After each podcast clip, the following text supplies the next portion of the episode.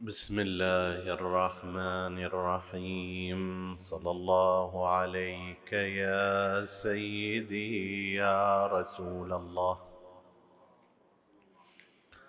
صلى الله عليك وعلى ابن عمك أمير المؤمنين وإمام المتقين. صلى الله عليك يا سيدي ويا مولاي يا أبا محمد. أيها الحسن الزكي الناصح الأمين. وعلى أخيك أبي عبد الله الحسين. ما خاب من تمسك بكم وأمن من لجأ إليكم يا ليتنا كنا معكم فنفوز فوزا عظيما. عطروا مجالسكم بذكر محمد وآل محمد.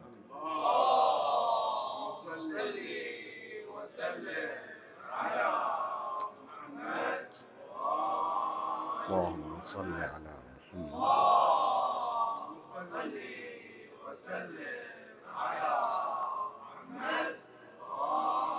اللهم صل على محمد اللهم صل وسلم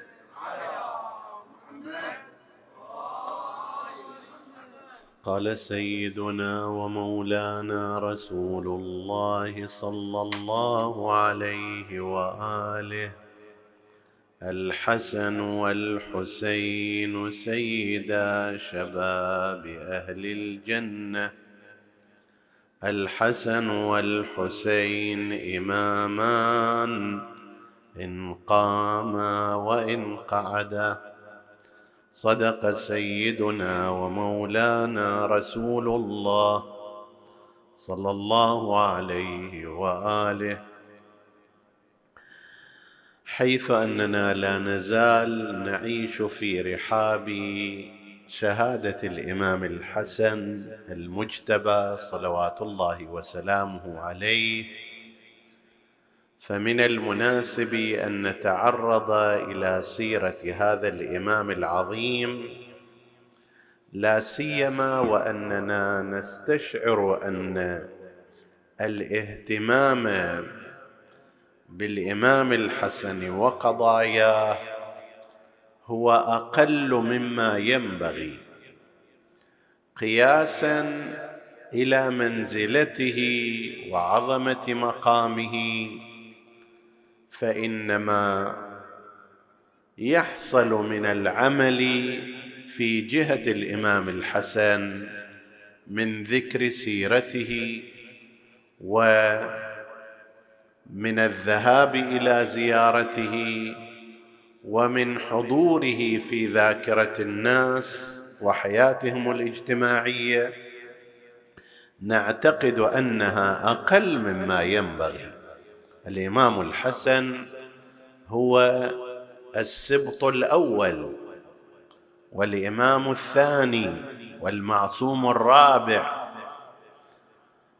وقد يقتصر في الحديث عن سيرته في الغالب على ليلتين في السنة هي ليلة شهادته في صفر وليلة ميلاده في شهر رمضان. وأما في سائر الأوقات فالغالب أنه لا يتم ذكر واضح ومفصل له مع أن مقاماته وشأنه يستحق كل ذلك. بل أكثر من هذا نجد أن ما ألف من الكتب حول الإمام الحسن المجتبى عليه السلام بالقياس إلى منزلته وعظمته هي شيء غير كثير. نعم في هذه الأربعين سنة صارت أعمال طيبة. العتبة الحسينية المقدسة أسست مركزا باسم مركز الإمام الحسن للدراسات التخصصية تعتني بطباعه الكتب الخاصة بالإمام الحسن. بعد الإمام الحسن ما عنده عتبة ولا عنده مشهد نسأل الله أن يلطف بهذه الأمة حتى تتعرف إلى منازل المعصومين عليهم السلام فتشاد مشاهدهم ويتعرف الناس على أحوالهم. العتبة الحسينية أنشأت مركزا باسم مركز الإمام الحسن للدراسات التخصصية. ينشر هذا المركز الكتب والدراسات ويحقق في قضايا الإمام عليه السلام وعنده نشاط جيد أصدر عددا من الكتب. بعض المؤلفين أيضا من الإمامية في الفترة الماضية توجهوا إلى سيرة الإمام الحسن مرحوم سيد جعفر مرتضى العاملي رضوان الله تعالى عليه هذا المحقق البارع أصدر عدة مجلدات في سيرة الإمام الحسن نحو عشر مجلدات وهو مطبوع ومتداول وموجود على الانترنت.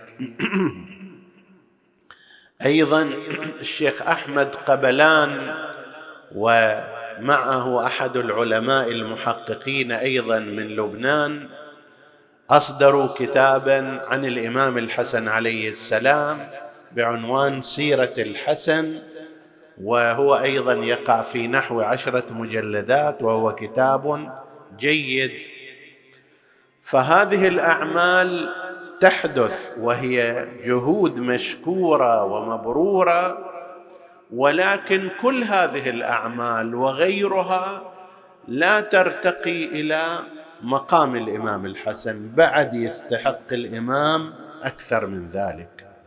على مستوى التحقيق على مستوى التأليف على مستوى النشر على مستوى بث الكتاب هنا وهناك حتى بالصورة المجانية حتى يتعرف الناس على هذه السيرة العطرة. خصوصا أن الإمام الحسن عليه السلام تعرض إلى حملة نكراء من قبل المؤرخين التابعين لبني أمية والتابعين لبني الزبير والتابعين لبني العباس. وهذا يحتاج إلى حديث مفصل لذلك وجدنا صورة الإمام الحسن المجتبى في التاريخ ليست هي الصورة الحقيقية. فهذه أعمال طيبة عندما يقوم هؤلاء العلماء بالتأليف والتصنيف والتحقيق ويقوم أهل المال بالنشر والتبليغ والطابع هذا كله في محله. بل أكثر من هذا يحتاج. ماذا لو أن شيعة أهل البيت عليهم السلام جعلوا رسما من الرسوم أنه في كل مناسبة للإمام الحسن مناسبة الشهادة تكون هناك حملات لزيارة الإمام الحسن عليه السلام. كما يصنعون جزاهم الله خيرا في مناسبات الإمام الحسين ونعم ما يصنعونه بالنسبة إلى هذا. تجد مثلا في عاشوراء يذهبون الأربعين يذهبون رجب شعبان سائر الليالي حتى ليلة الجمعة هي موسم زيارة. ونعم ما يصنعون في ذلك ينالون بهذا رضا الله عز وجل وقضاء حوائجهم ويعلون من شأن الحسين عليه السلام عندما تزدحم هذه الزوار في بعض المناسبات بالملايين. يستحق الإمام الحسين ذلك. ماذا لو أن شيعة أهل البيت عليهم السلام أيضا عملوا نفس هذا العمل بطريقة أو بأخرى يقصدون المدينة المنورة مثلا بعنوان زيارة الإمام الحسن المجتبى سلام الله عليه.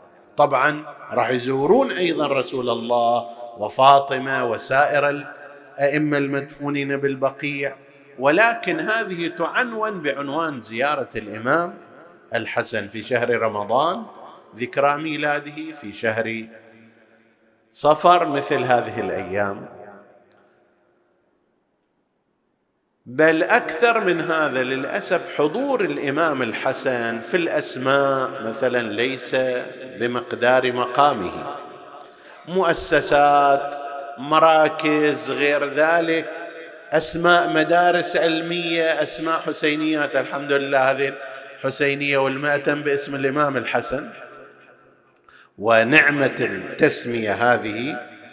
لكن لما تجي تقارن مقام الإمام الحسن ومنزلته بما هو حاصل له من أسماء الأشخاص أسماء المراكز أسماء المؤسسات وما شابه ذلك تجد أن الأمر أقل مما ينبغي. نسأل الله سبحانه وتعالى أن تستمر هذه المسيرة في الاهتمام بشؤون الإمام الحسن على كل المستويات الثقافية والتحقيقية والاجتماعية وغيرها حتى يتبوأ هذا الإمام العظيم المنزلة التي جعلها الله سبحانه وتعالى له باعتباره ثاني الأئمة المعصومين عليهم السلام بعد أبيه أمير المؤمنين عليه السلام. نشير إلى عرض سريع حول حياته ونحن نعلم أنه لا يمكن الإحاطة بهذه الحياة. يعني ولادة الإمام الحسن المجتبى سنة ثلاثة هجرية شهادته سنة خمسين هجرية سبعة وعشرين سنة سبعة وأربعين سنة معذرة. هل يمكن لإنسان أن يتحدث في خمسة وأربعين دقيقة عن سبعة وأربعين سنة؟ لا يمكن ذلك بالقطع واليقين ولا في ليالي متعددة. ولكن ما لا يدرك كله لا يترك جله. نعرض عرضا سريعا لهذا الأمر. تذكيرا بهذه السيرة العطرة واستجلابا للرحمة ونحن نعلم أن ذكرهم كذكر الله عز وجل باعتبارهم الأدلاء على الله سبحانه وتعالى. كما ذكرت الإمام الحسن ولد في سنة ثلاثة هجرية حيث كان زواج أمير المؤمنين عليه السلام بفاطمة الزهراء في السنة الثانية للهجرة نتج عن هذا الزواج الميمون والمبارك. أول مولود ستتحقق فيه كلمات الله عز وجل ومواعيده في أنه إنا أعطيناك الكوثر يا رسول الله وإن شانئك هو الأبتر. فإن كفار قريش ومنهم العاص وأمثاله والد عمرو بن العاص والحكم والد مروان بن الحكم وهؤلاء الجاحدين لرسالة رسول الله كانوا يقولون إن محمد رجل فرد ولا نسل له فما يلبث أن يموت حتى ينقطع خبره. رسول الله كان يصرح باستمرار إن ذرية وعترة كل نبي من صلبه وعترتي وذريتي من صلب علي ورحم فاطمة عليهما السلام. فلما جاء الإمام الحسن المجتبى عليه السلام كأول مولود بين خطي الامامه والرسالة تحقق ذلك الوعد الإلهي في أن هذا مستمر. ثم جاء الإمام الحسين وتكاملت القضية والآن أنت تجد أن ذرية النبي من الحسنين عليهما السلام تملأ الدنيا بعشرات الملايين تعد لا بالآلاف ولا مئات الآلاف ولا بالملايين بل بعشرات الملايين. أذكر أنه قبل لعله حوالي ثلاثين خمسة وثلاثين سنة أو أكثر كان هناك فكرة عند بعض العلماء أن يصنعوا من جديد نقابه باسم نقابة الطالبيين وهي كانت موجودة في السابق. في سابق السنوات أيام العباسيين ومن بعدهم ودورها أن تحصي السادة من ذرية رسول الله صلى الله عليه وآله وأن ترعى شؤونهم وأن تصحح انساب من يصح نسبهم وأن تبعد من يدعي النسب. في ذاك الوقت كان الكلام أن إحصاء اولي بسيط غير غير دقيق كانوا يزيدون عن خمسين مليون إنسان في مختلف أنحاء العالم. هل هناك كوثر أكثر من هذا؟ وهؤلاء هم في الغالب مراجع الفتيا والعلم في كل الساحة الشيعية. كل طباطبائي هو من نسل الحسن. الآن تقلد الآن كانت الطائفة تقلد سيد محسن الطباطبائي الحكيم رضوان الله تعالى عليه. كنا قبل أيام في رحيل المرجع الديني سيد محمد سعيد الطباطبائي قبل هؤلاء السيد كاظم الطباطبائي اليزدي أستاذ أساتذة المراجع. طيب كل طباطبائي إذا صح نسبه هو من نسل الإمام الحسن عليه السلام ومرجعيات العظمى للطائفة كثير منها طباطبائيون سيد حسين البروجردي طباطبائي سيد كاظم اليزدي طباطبائي السيد محسن الحكيم طباطبائي وغير هؤلاء تحدثنا عنهم في كتابنا سيد الجنة. غير هؤلاء دول قامت شيعية من نسل الإمام الحسن عليه السلام وكل حسيني هو من نسل الإمام الحسن. مراجع التقليد الآن وقديما كل موسوي هو حسيني. سيد الخوي موسوي السيد الخميني موسوي وغير هؤلاء كلهم في هذا الإطار ينتهي نسبهم إلى الإمام الحسين عليه السلام. هذان الفرعان هذان القسمان غذيا الأمة بمراجع التقليد العظام وبالمفكرين وبمفسري القرآن وبالعلماء في مختلف أدوار التاريخ.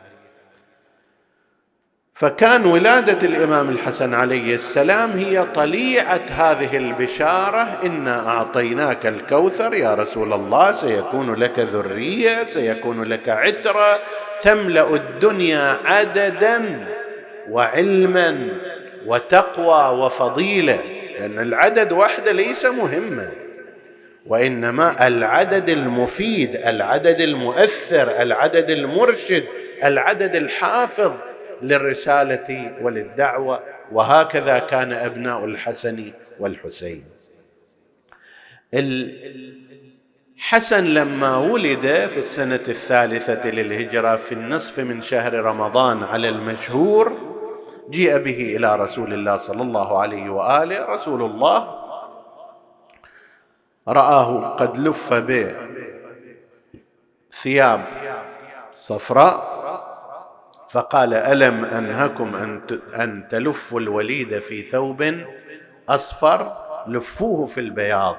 إحنا نلاحظ هنا من شدة الاهتمام من قبل رسول الله أن يخوض في تفاصيل التفاصيل كناية واحد عن شدة الاهتمام بهذا المولود وتعليم تربوي أيضا لمن يأتي من بعد رسول الله. ليش هذا؟ قد يكون لأجل أن الألوان لها أثر في قضية النظر وتكامل البصر. تعلمون هذه الأجهزة إن السمع والبصر والفؤاد كل أولئك كان عنه مسؤولا. هذه الأجهزة لا تأتي كاملة في يوم ولادة الطفل وإنما تتطور بالتدريج.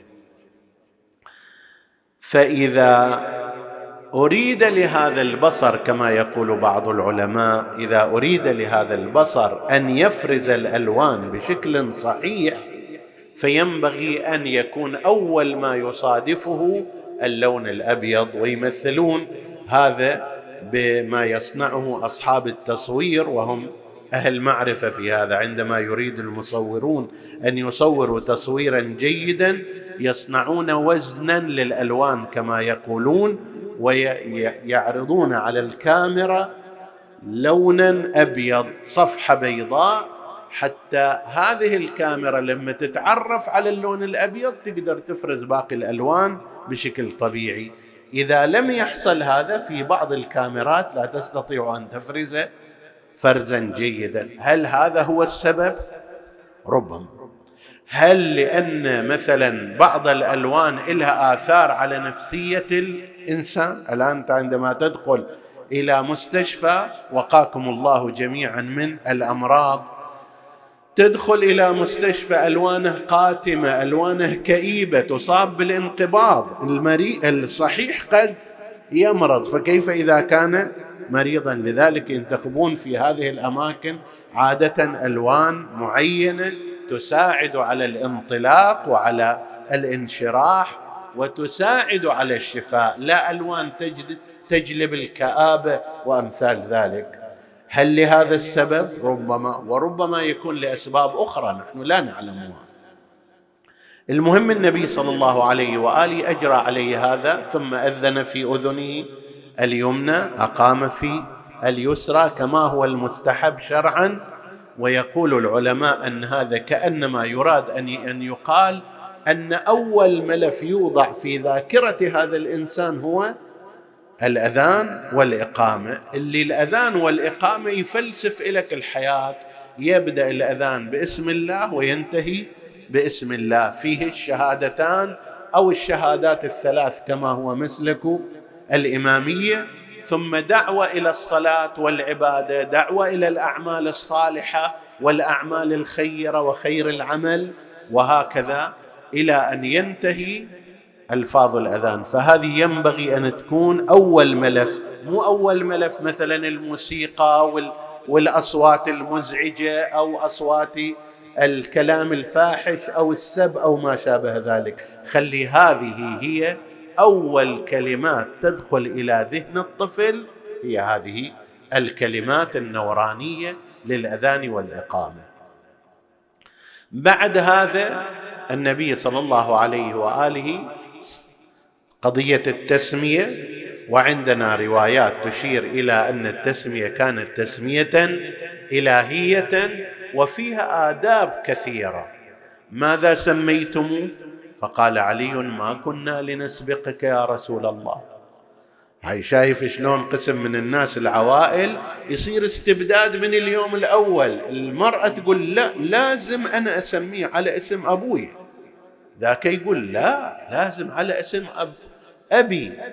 إذا طفلة هذه تقول على اسم أمي ذاك يقول لا على اسم أمي وتصير المعركة علشان تسمية فإذا بهذا المولود المبارك المفروض يصير منشأ للمشاكل وأحيانا تستمر الحالة. هذا يسميه الولد عبد الله باعتبار والده عبد الله وهي تسميه علي لأن مثلا أبوها علي وتعال شوف المشكلة وين.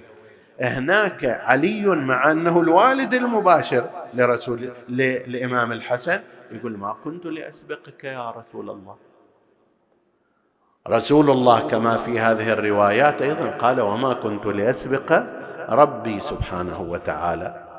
هذا يعلمنا الأدب يعلم المرأة الأم ويعلم أيضا الأب أنه لا تحول قضية الاسم إلى مشكلة وإلى بغضاء وإلى إحنا وأحقاد بدل ما هذا المولود يأتي بسعادته يأتي بشقاء إلى هذا المنزل.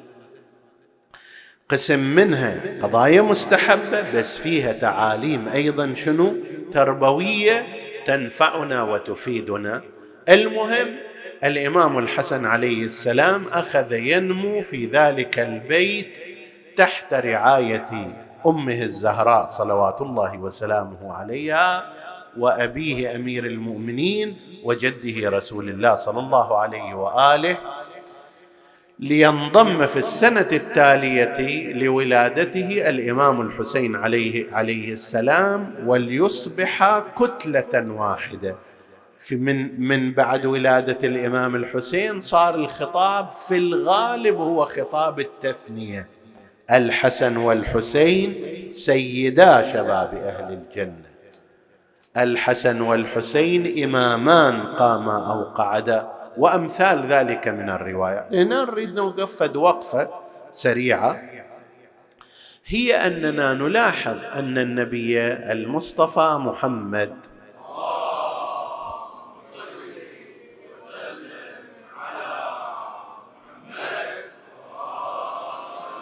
منذ وقت مبكر أخذ يقول أحاديث في فضائل الحسنين. يعني في مصادر مدرسة الخلفاء ذكروا في بعضها ستة وخمسين حديثا من أحاديث رسول الله في فضائل الحسنين. عندنا في مصادر الإمامية أضعاف هذا. نسأل هذا السؤال ما هو الغرض أن يقوم رسول الله بالتبليغ عن أحاديث لأبناء ابنته لأسباطه والحال أنهم صغار في السن. يعني مثلا الحسن عمره ثلاث سنوات وعمره أربع سنوات وعمره خمس سنوات. أقصى شيء وصل الحسن ورسول الله موجود سبع سنوات مو أكثر من هذا. وهي الأحاديث مو كلها في السنة السابعة بدأ يقولها النبي صلى الله عليه وآله من البدايات. يتبين منها. مثلا أبو ثلاث سنوات دون ذلك كان يأتي ويحمله على كتفه الأيمن والحسين على كتفه الأيسر. يأتي الحسن يأتي الحسين فيصعدان على ظهر رسول الله. وهذه مال اعمار صغيرة مو مال أبو سبع وثمان سنوات. ما هي فلسفة أن يقول رسول الله صلى الله عليه وآله في الحد الأدنى 56 حديث كما نقلوا وعندنا مئات الأحاديث. وش فلسفتها هذه؟ أهمية هذه الأحاديث هي أنها إشارات إلى طريق الإمامة والقيادة بعد رسول الله صلى الله عليه وآله. هذه مو أحاديث مجاملات وتعبير عاطفي فقط عن المحبة والمودة. وإنما فيها الحسن والحسين إمامان قاما أو قعدا. هذا نص صريح لا يوجد أصرح منه في قضية الإمامة. وهذا يحرج مثلا مدرسة الخلفاء اللي يقولون إنه ماكو وصايه وماكو تعيين للإمامة. هذا يقول إمامان إن قاما وإن قعدا. لذلك وجدنا وهذه ملاحظة أرجو الالتفات إليها وجدنا أن قسما غير قليل من الأحاديث الصريحة في الأمور العقائدية حذفت من مدرسة الخلفاء. ماذا بقي؟ بقي الأحاديث الشخصية بقي الأحاديث اللي تبين طفولة هذا الإمام. مثلا أن الإمام الحسن عليه السلام كان راكبا على كتف النبي. هذا راكب على كتف النبي أو راكب على ظهر النبي لا يحرج ذلك الطرف عقائديا. يقول هذا بعد طفل حاله حال سائر بس حديث اللي لما يجي واحد ويقول بعدما رأى الحسنين على كتفي رسول الله يقول نعم الجمل جملكما يعني رسول الله صلى الله عليه وآله فيقول النبي ونعم الراكبان هما وأبوهما خير منهما. هنا يثبت فالفضيله لهما ويثبت فضيلة لأمير المؤمنين عليه السلام. لا تتناسى أمير المؤمنين. وهكذا في حديث سيد شباب سيدا شباب أهل الجنة. سيدا شباب أهل الجنة يعني استثني رسول الله وأمير المؤمنين عليه السلام ثم باقي البشر الحسن والحسين أفضل منهما. لماذا؟ لأن الجنة لا يدخلها إلا صفوة الخلق. جعلنا الله وإياكم من أهل الجنة. الجنة مو أي واحد يدخلها وإنما صفوة الخلق صفوة المؤمنين يدخلون الجنة. في هذه الجنة يوجد سيدان. طبعا نحن نستثني رسول الله صلى الله عليه وآله. ونستثني أمير المؤمنين حيث قال النبي وأبوهما خير منهما ثم نضع يدنا على أي شخص كان نبيا كان تقيا كان غير ذلك نضع يدنا على أي واحد فنقول الحسن سيده والحسين سيده.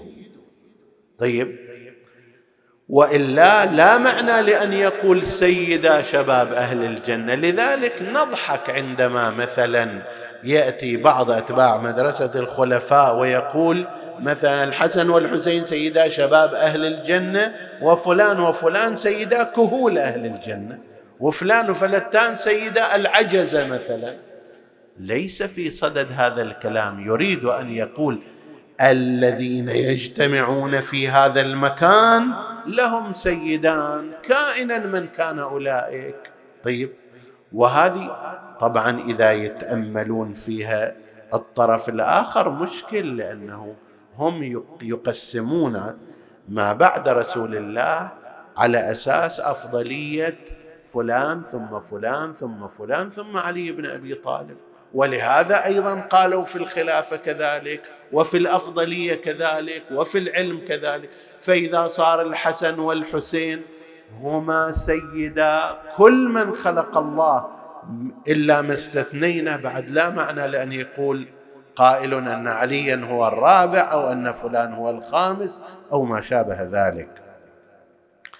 فاحنا نلاحظ في قضية الأحاديث التي قالها رسول الله صلى الله عليه وآله أنها إشارات أنها علامات أنها تصريحات إلى أيها يا أيها الناس في المستقبل راح تصير حوادث. كل واحد راح يقول أنا أولى برسول الله من أصحاب النبي وممن كان معه. لا النبي يقول لمثل عمار يا عمار ويا أبا ذر لو سلك الناس كلهم واديا وسلك علي بن أبي طالب واديا آخر فاسلك الوادي الذي سلكه علي أمير المؤمنين. راح يصير هناك نزاع وكلام قسم من الناس راح بعقولهم غير الواعية راح يقولون يعترضون كيف الحسن صالح فلان وإلى آخره؟ يقول لهم إمامان قام أو قعد وهذا ما صنعه الإمام الحسن عليه السلام. جاء إليه أحد أصحابه فقال له يا أبا محمد يا ابن رسول الله أنت تعلم أن أنت تعلم موقع معاوية من الفسق وما شابه ذلك كيف تصالحه؟ فقال له الإمام الحسن عليه السلام ألم تسمع قول رسول الله صلى الله عليه وآله الحسن والحسين إمامان قاما أو قعدا؟ قال بلى. وهذا يبين منا أن هذا الحديث كان مشهورا بين المسلمين وإلا لا معنى أن يقرره بذلك. يقدر ذاك يقول لا أنا ما سمعت هذا الحديث. لما يقرر واحد بشيء ألم يكن هكذا؟ لازم يكون هذا معلوم عنده فيقول بلى. يتبين أن الحديث هذا كان مشهورا عند المسلمين. فقال له ألم تسمع رسول الله؟ قال هكذا قال بلى. قال فأنا إمام إن قمت وأنا إمام إن قعدت وصالحت. طيب. فإذا لا حق لك ولا لغيرك أن تعترض على ما اتخذته من قرار. الحديث متى قال ربما قيل سنة ستة هجرية سبعة هجرية ثمانية هجرية. الآن نحن في هذه الحادثة سنة أربعين يعني قبل 32 سنة 35 سنة الحديث قيل وتمت الاستفادة والانتفاع منه في ما بعد ثلاثة عقود من الزمان. فهذه إحنا نوجه الملاحظة في قضية الأحاديث والروايات التي قالها رسول الله صلى الله عليه وآله. ذهب رسول الله إلى لقاء ربه راضيا مرضيا بعدما أدى الأمانة وبلغ الرسالة ونصح الأمة وجاهد في الله حق جهاده وحصل ما حصل من الانقلاب على وصايا رسول الله صلى الله عليه وآله. موقف الإمام الحسن المجتبى عليه السلام هو موقف أبيه تماما باعتبار أنه مأموم والإمام هو علي عليه السلام. الإمام الحسن في حال وجود أبيه هو مأموم مطيع لما يقوله أبوه المرتضى صلوات الله وسلامه عليه. فكانت سياسته وطريقته وأعماله منسجمة مع خطة أبي فوالله لأسالمن ما سلمت. أمور المسلمين ولم يكن الجور فيها إلا علي خاصة. ما دام أمر المسلمين العام مضبوط ولن يهدد الإسلام بتهديد جدي أنا أسالم. وفي نفس الوقت كان يراقب ويلاحظ وينصح وغير ذلك. الإمام الحسن كان على نفس الطريق وعلى نفس الشاكلة. إلى أن جاءت الخلافة لأمير المؤمنين عليه السلام وأقبل الناس يطلبونه بالبيعة ونهض أمير المؤمنين عليه السلام بها. فكان عندها الإمام الحسن المجتبى عضد أبيه الأيمن في سلمه وفي حربه في علمه وخطابته في قتاله وفي مصالحته. والحديث هنا يطول أنا أجيب بس شاهدين سريعين. شاهد الأول في أيام السلم كان الإمام الحسن المجتبى يقدمه أبوه باعتبار أنه وارث العلم وأن علمه كعلم ابيه في أكثر من موضع أحد المواضع أن رجلا جاء إلى أمير المؤمنين وكان جالسا في رحبة مسجد الكوفة على الدكة وحوله أصحابه فجاء رجل عند الناس غير معروف. فقال له يا أمير المؤمنين عندي مسائل. إن أجبتني عليها علمت أنك الإمام الحق وأن القوم قد قد ركبوا منك من الظلم ما يعلم الله به. فعندي أنا ثلاث مسائل أريدك تجاوبها. فقال سل أحدهما. أشار إلى الحسن وإلى الحسين عليه السلام.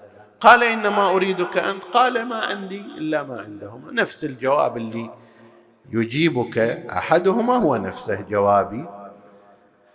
فقال سل ذا الوفره شعر عنده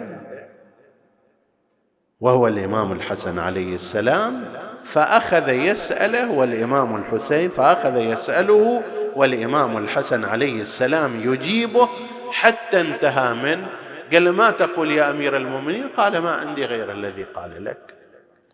ثم انصرف ذلك الرجل وقيل إنه قال أشهد أن لا إله إلا الله وأن محمدا رسول الله وأنك علي أمير المؤمنين ولي الله وأن الحسن والحسين من بعدك أئمة الهدى وعلي بن الحسين.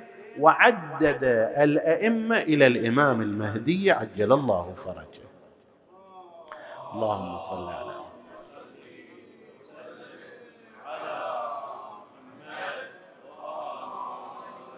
وهذا الحديث يعد أحد أحد النصوص على أئمة الهدى في زمان أمير المؤمنين إلى آخر الأئمة. بعض الناس يقول وين النصوص على الأئمة؟ في زمان أمير المؤمنين في زمان رسول الله كانت النصوص هذه متوفرة هذا واحد منها.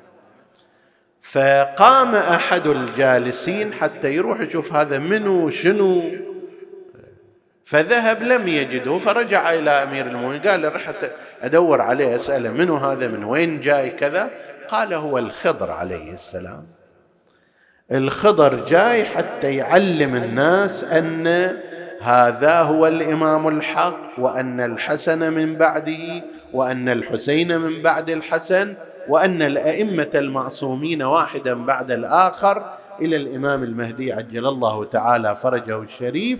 ويبين إليهم من خلال أسئلة لا يقدر على إجابتها إلا من كان مزودا بعلم الإمامة الخاص من الله عز وجل. هذا في سلم الإمام. في حرب الإمام كان الإمام الحسن المجتبى قبل بداية الحرب مع أهل الجمل سمع الإمام امير المؤمنين عليه السلام أن عبد الله بن الزبير قد خطب خطابا في أصحابه وشتم فيه أمير المؤمنين وقال إنه ابتز على هذه الأمة أمرها على غير رضا منها ومن هذا الكلام.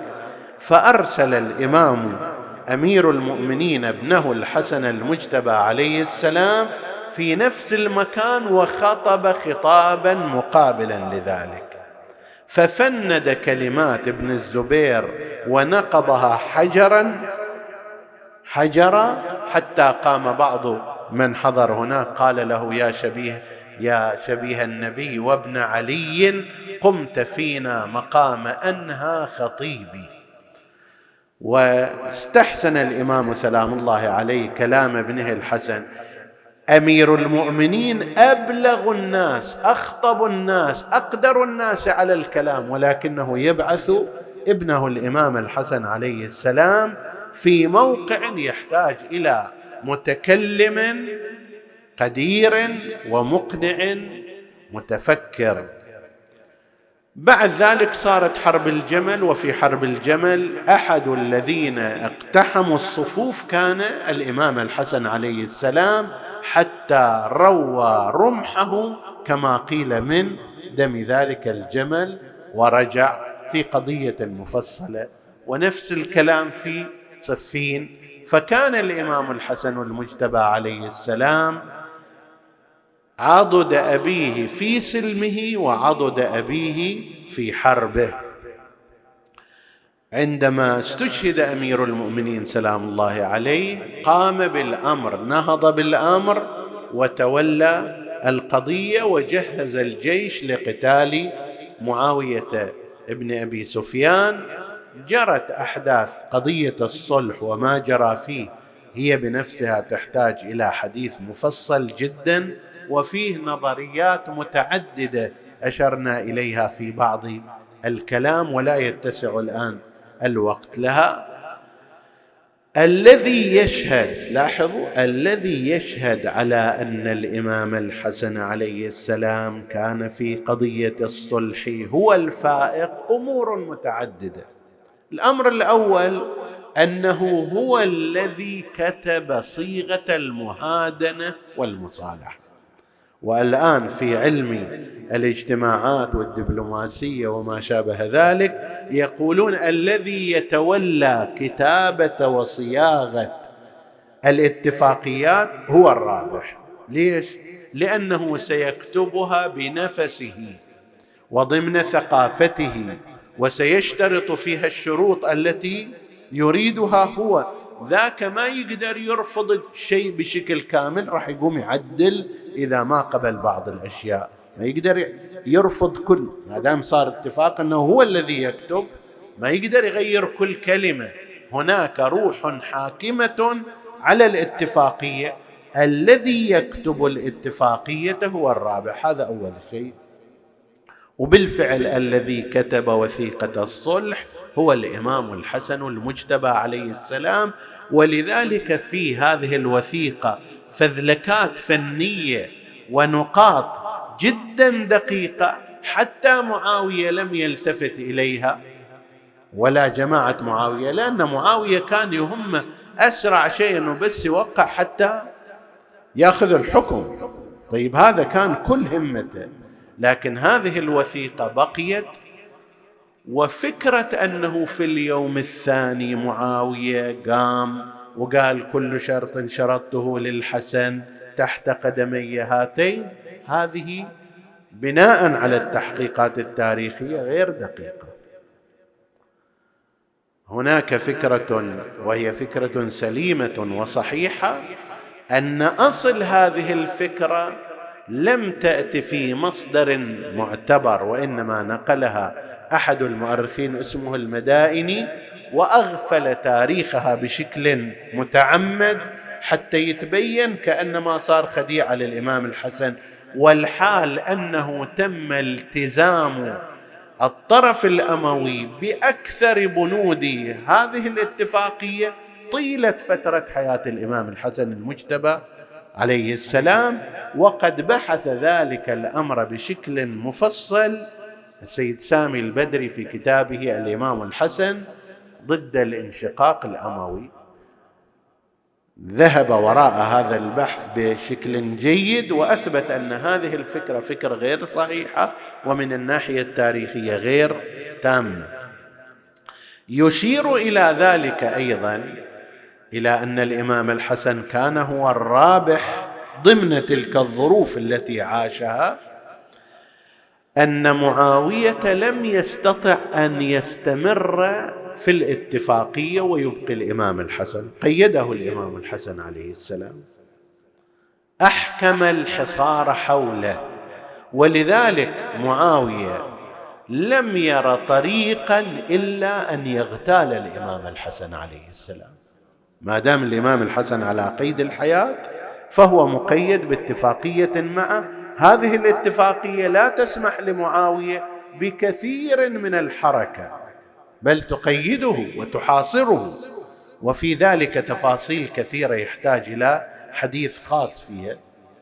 لذلك معاوية رأى أن الطريقة السهله للانعتاق والتحرر من هذه الاتفاقية هو اغتيال الإمام الحسن وقضية الاغتيال مع معاوية شاطر فيها. معاوية لم يكن شجاعا في الميدان ابدا بل نقلوا أيضا أنه كما فعل عمرو بن العاص في قضية فعلها معاوية وأن عمرو بن العاص أشار عليه وقال له يا معاوية ما ترى أن نكفي الجيشين أمر الحرب وعسرها؟ فتبرز إلى علي بن أبي طالب وأنت بحمد الله ستقتله وبالتالي ينتهي الأمر.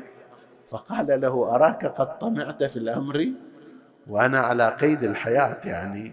تدري أنه أنا إذا أبرز إليه بماذا أرجع؟ طيب. هذا ما عنده قوة فيه ولا شطارة. عنده شطارة في شيء آخر وهو الاغتيال الخفي. وهذا ما يحتاج له إلى إلى مواجهة ولا إلى شجاعة يحتاج إلى إلى مقدار من الخبث ومقدار من الخديعة وهذا يقدر يسويه أي إنسان إذا كان غير متدين وقد فعل ذلك حتى مع أقرب المقربين إليه وأقرب أنصاره وهو عبد الرحمن ابن خالد بن الوليد. عبد الرحمن ابن خالد بن الوليد معروف. عبد الرحمن ابن كان من أشد أنصار معاوية وأعدى أعداء علي عليه السلام. وقد ولاه حمص. بعدين في ما بعد الخمسين ما بعد سنة خمسين هجرية بدأ يجهز الأمر إلى يزيد. فسأل أهل حمص لو أنا بغيت أعهد إلى أحد بعدي يصير خليفة منو تشوفون زين؟ فقالوا عبد الرحمن بن خالد. قال هذا مشكلة الآن. باكر يبقى, يبقى الشكل وينافس يزيد. فأمر أحد الأطباء عنده وكان مسيحيا بأن يفصد عبد الرحمن بن خالد بريشة مسمومة. ذاك صار عنده حمى. قال له معاوية ترى أنا عندي طبيب من أحسن ما يكون. فأمره بأن يفصده بريشة مسمومة فصده وهلك في نفس الوقت خلص بعد ما قام. هذا أصدق أصدقائه وألد أعداء أمير المؤمنين. كان يتلذذ بتعذيب شيعة أمير المؤمنين عليه السلام. في قصة مفصلة. هذا واحد. عبد الرحمن ابن أبي بكر عبد الرحمن ابن بك أبي بكر أخ محمد ابن أبي بكر بن أبي قحافة الأكبر. هذا كان معارضا لتولي يزيد بن معاوية الخلافة وكان يجهر بذلك أيضا. رايح من المدينة إلى مكة للعمرة في الطريق قال الواحد من أهل المضارب هناك هذا اسقه شربة مسمومة ولك كذا وكذا. بالفعل. اعطاه تلك الشربه أول ما وصل إلى مكة انتهى أمره. هذا الثاني. ثالث سعد بن أبي وقاص أيضا نفس الكلام. هم يقولون مات فجأة هكذا ولكن الباحثين المدققين في التاريخ يقولون تم تسميمه من قبل معاوية مالك الأشتر وغير هؤلاء. لأن مو حديثنا في هذا الموضوع. أقول هذا هو نهجه وطريقته. فعندما يقال مثلا أنه دس إلى جعدة بنت الأشعث ابن قيس يغريها بألف ألف يعني مليون وبأن يزوجها من ابنه يزيد إن هي سمت الإمام الحسن المجتبى عليه السلام. طبعا مثل هذا العرض بالنسبة إلى هذه المرأة. ضعيفة الإيمان تزلزلت. إحنا نشوف كما قلنا في مكان. شوف الآن في هذه الأزمنة واحد يعطونه مئة دولار يعني أقل من أربعمائة ريال. مئة دولار يقولوا له فجر في حسينية فجر في مسجد فجر في تجمع أرواح. عشرات تروح أرواح علشان أربعمائة ريال يأخذ. فكيف بالنسبة إلى تلك المرأة الآثمة والخاطئة والمجرمة؟ زين مليون درهم موعودة فيه وتصير بعد ملكة المملكة في المستقبل ملكة المملكة الإسلامية وزوجة يزيد وهي محمية. طيب فالمجرم الحقيقي بعد هذه هو من دس إليها السم ومن أغراها مو هي فقط لا هي مجرمة هي آثمة لكن اللي وراها اللي أغفلها وخدعها ومناها وأعطاها ووفر لها هذا هذا السم هو المجرم الحقيقي أيضا. وبالفعل جيء لها بذلك السم القتال من بلاد الشام وقدمت ذلك الشيء المسموم قيل وضعته في شيء من الحليب اللبن وكان إمامكم في مثل هذا اليوم صائم النهار بأبي وأمي.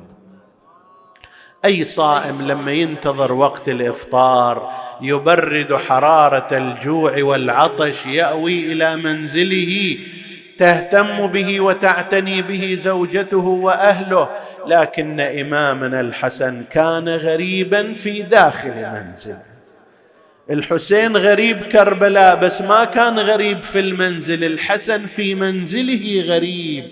في منزله بأبي وأمي كان يستشعر هذا. فلما دست إلى إمامنا ذلك السم سرى السم في بدنه وفتك بأحشائه. عظم الله أجوركم أين المنادي وإماما. وسيداه